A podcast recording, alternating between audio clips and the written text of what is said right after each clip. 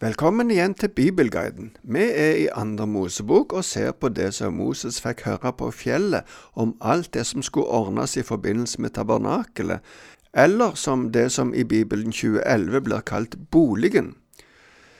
Nå har vi kommet fram til kapittel 28, og her handler det om prestedrakten. Vi skal se litt om gangen av dette, og begynne med de første fem versene. Blant israelittene skal du la din bror Aron og sønnene hans tre fram for å gjøre prestetjeneste for meg. Det er Aron og sønnene hans, Nadab og Abihu, Elasar og Itamar. Og du skal lage hellige klær til din bror Aron, til ære og pryd.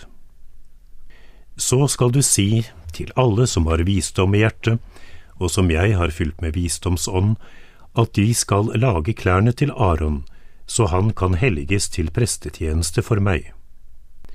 Disse klærne skal de lage. Et bryststykke, en efoddrakt, en kappe, en rutet kjortel, en turban og et belte. Dette er de hellige klærne som de skal lage til din bror Aron og sønnene hans, så de kan være prester for meg. Til dette skal de bruke gull, purpurblått, purpurrødt og karmosinrødt stoff og fint lin. Først av alt står det at Moses skal ta ut Aron og hans sønner til prestetjeneste. Det kan godt hende de hadde hatt noe av denne funksjonen allerede, men nå blir det formalisert. Prestetjenesten slik vi kjenner den fra nå av, hadde heller ikke starta. De skulle få spesielle klær som skilte de ut ifra resten av israelsfolket. Klærne skulle være til ære og pryd. Disse klærne skulle muligens gi en forståelse av at de fikk tilregna en rettferdighet for Herren. I vers tre leste vi om den som har visdom i hjertet, og som er fylt med visdomsånd. I norsk bibel er det her oversatt med at de som forstår seg på kunst og har kunstnerånd. Uttrykket betyr vise i hjertet, men sammenhengen viser til at de skulle være håndverkere som skulle lage det som kunne lages i forbindelse med tabernakelet og alt tilbehøret. I dette tilfellet er det snakk om alt som er knyttet til prestedrakten. Prestedrakten bestod av forskjellige deler som det kommer mer detaljer om i fortsettelsen, men det er tydelig at det skulle bli flotte klær. Det er snakk om både gull og flotte stoffer. Vi leser videre ifra vers 6 til 14 for å se mer om efoddrakten. Efoddrakten skal de lage av gull, purpurblått, purpurrødt og karmosinrødt stoff og fint tvinnet lin. Den skal være i kunstvevning. Den skal ha to skulderbånd som er festet i hjørnene og holder den sammen.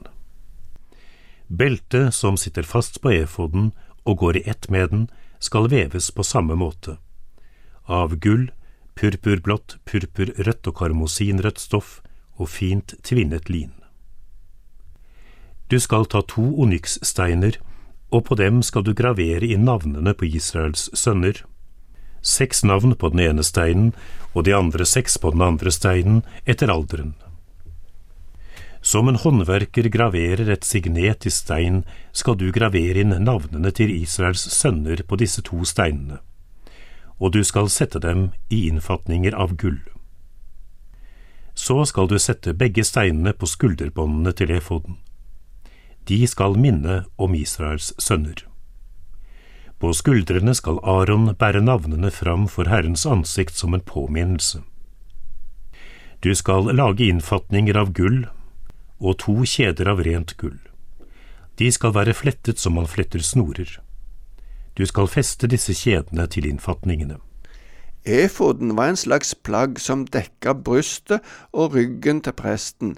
Den skulle lages av fint linstoff med fine farger, og dessuten skulle det brukes gull. Det presiseres at det er kunstveving. Drakten hadde søm på skuldrene og belte om livet. På skuldrene skulle det være onykssteiner, som var noen fine steiner, halvedelsteiner. Det var én slik stein på hver skulder, og på disse skulle navnene til Israels stammer skrives. Det symboliserte forbønnstjenesten. Presten skulle bære Israel på skuldrene når han gikk inn til Herren. De skulle festes til efoden med fletta snorer av gull. Den neste delen av drakten som beskrives, var bryststykket for domsavgjørelser. Norsk bibel kaller dette for domsbrystduk. Vi leser om dette plagget ifra vers 15 til 30. Du skal lage et bryststykke for domsavgjørelser. Det skal være i kunstvevning slik som efoddrakten. Du skal lage det av gull, purpurblått, purpurrødt og karmosinrødt stoff og fint tvinnet lin. Bryststykket skal være firkantet og brettet dobbelt, et fingerspenn langt og et fingerspenn bredt. På det skal du sette fire rader med steiner i innfatning. I den ene raden skal det være en rubin, en topas og en smaragd. I den andre raden en turkis, en safir og en diamant. I den tredje raden en opal, en agat og en ametyst. Og i den fjerde raden en krysolitt, en onyx og en jade. De skal settes i innfatninger av gull. De tolv steinene skal bære navnene på Israels sønner, én for hvert navn. På hver stein skal navnet på en av de tolv stammene være inngravert, slik som i et signet. Til bryststykket skal du lage kjeder av rent gull. De skal være flettet slik man fletter snorer. Du skal også lage to gullringer til bryststykket og sette dem i hvert sitt hjørne. Så skal du feste de to gullsnorene i de to ringene i hjørnene av bryststykket.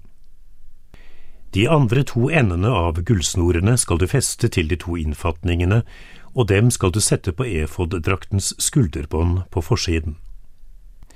Så skal du lage to gullringer til og sette dem i de to andre hjørnene av bryststykket ved den indre kanten som vender inn mot efoddrakten. Enda to gullringer skal du lage og sette dem nederst på de to skulderbåndene på forsiden ved sømmen over efodbeltet.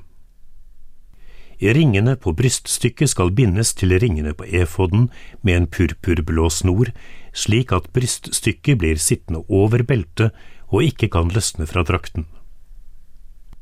Når Aron går inn i helligdommen, skal han ved sitt hjerte bære navnene på Israels sønner på bryststykket for domsavgjørelser. Det skal være som en stadig påminnelse om dem for Herrens ansikt.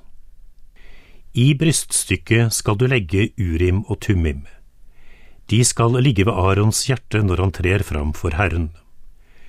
Aron skal alltid bære domsavgjørelsene for Israels sønner ved sitt hjerte for Herrens ansikt. Dette klesplagget skulle også lages av de samme fine stoffene det var et tøystykke som var laget som en slags lomme som hang ifra presten sin hals. Det var ett fingerspenn langt og ett fingerspenn bredt, altså mellom 20 og 25 centimeter i hver retning. På dette tøystykket var det festa tolv edelsteiner. Det var én stein for hver stamme, og navnene på stammene skulle graveres inn på steinene. Steinene skulle stå i fire rader med tre i hver rad. Dette var et annet symbol på at presten skulle representere de tolv stammene når han gikk inn i Herrens nærhet. Inni denne lommen skulle det ligge to steiner. Disse blir kalt urim og tumim. Disse omskrevne hebraiske navnene kan bety lys og fullkommenhet. De er superlativer som innebærer at det er den sterkeste graden av adjektivet, og det er flertallsform. Sammen kan disse navnene bety fullkommen kunnskap. Det er ikke kjent hvordan disse steinene ble brukt av Aron og hans etterkommere, men disse steinene skulle på en eller annen måte vise at de fikk greie på hva som var Guds vilje i en sak.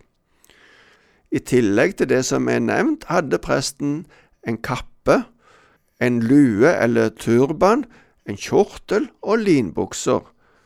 Nå skal vi lese litt om kappen, og det står i versene fra 31 til 35. Kappen som hører til efoddrakten skal være ensfarget purpurblå. Midt på den skal det være en åpning for hodet med en vevd kant omkring. Den skal være som åpningen på en brynje, slik at den ikke skal revne. Rundt på den nedre kanten av kappen skal du sette granatepler av purpurblått, purpurrødt og karmosinrødt garn, og mellom dem gullbjeller helt rundt. En gullbjelle og et granateple, så en gullbjelle og et granateple, slik skal det være nederst på kanten hele veien rundt.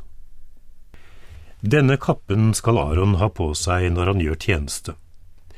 Det skal høres når han går inn i helligdommen og trer fram for Herrens ansikt, og når han går ut igjen, så han ikke skal dø. Kappen var av ensfarga purpurblått linstoff. På den nederste kanten skulle det festes gullbjeller og granatepler. Granateplene var en dekorasjon, og gullbjellene hadde i tillegg en funksjon som varsel på bevegelsen som ypperstepresten gjorde. For de som var utenfor, skulle det være et vitnesbyrd om at presten holdt på med sin tjeneste i forbønn for folket. Men her nevnes òg at Herren skulle høre når han gikk inn og ut av det aller helligste, slik at han ikke skulle dø. Vi leser videre ifra vers 36 til 38. Du skal lage en plate av rent gull. På den skal du gravere inn som i et signet, helliget Herren. Du skal feste den til en purpurblå snor, og den skal sitte på turbanen, framme på turbanen skal den sitte. Den skal være på Arons panne. Slik kan Aron bære den synden som henger ved de hellige ofrene som israelittene vier til Herren når de bærer fram sine hellige gaver. Den skal alltid sitte på pannen hans, for at gavene kan være til glede for Herren.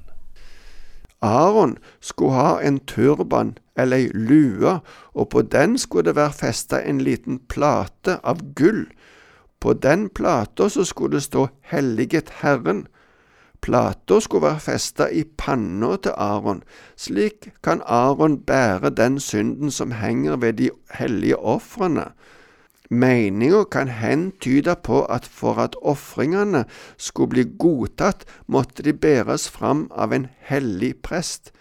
Disse ordene kan òg peke på verket til Frelseren som skulle komme, han som bar våre synder på sin kropp, slik som Peter uttrykker det, så vi skulle dø bort fra syndene og leve for rettferdigheten.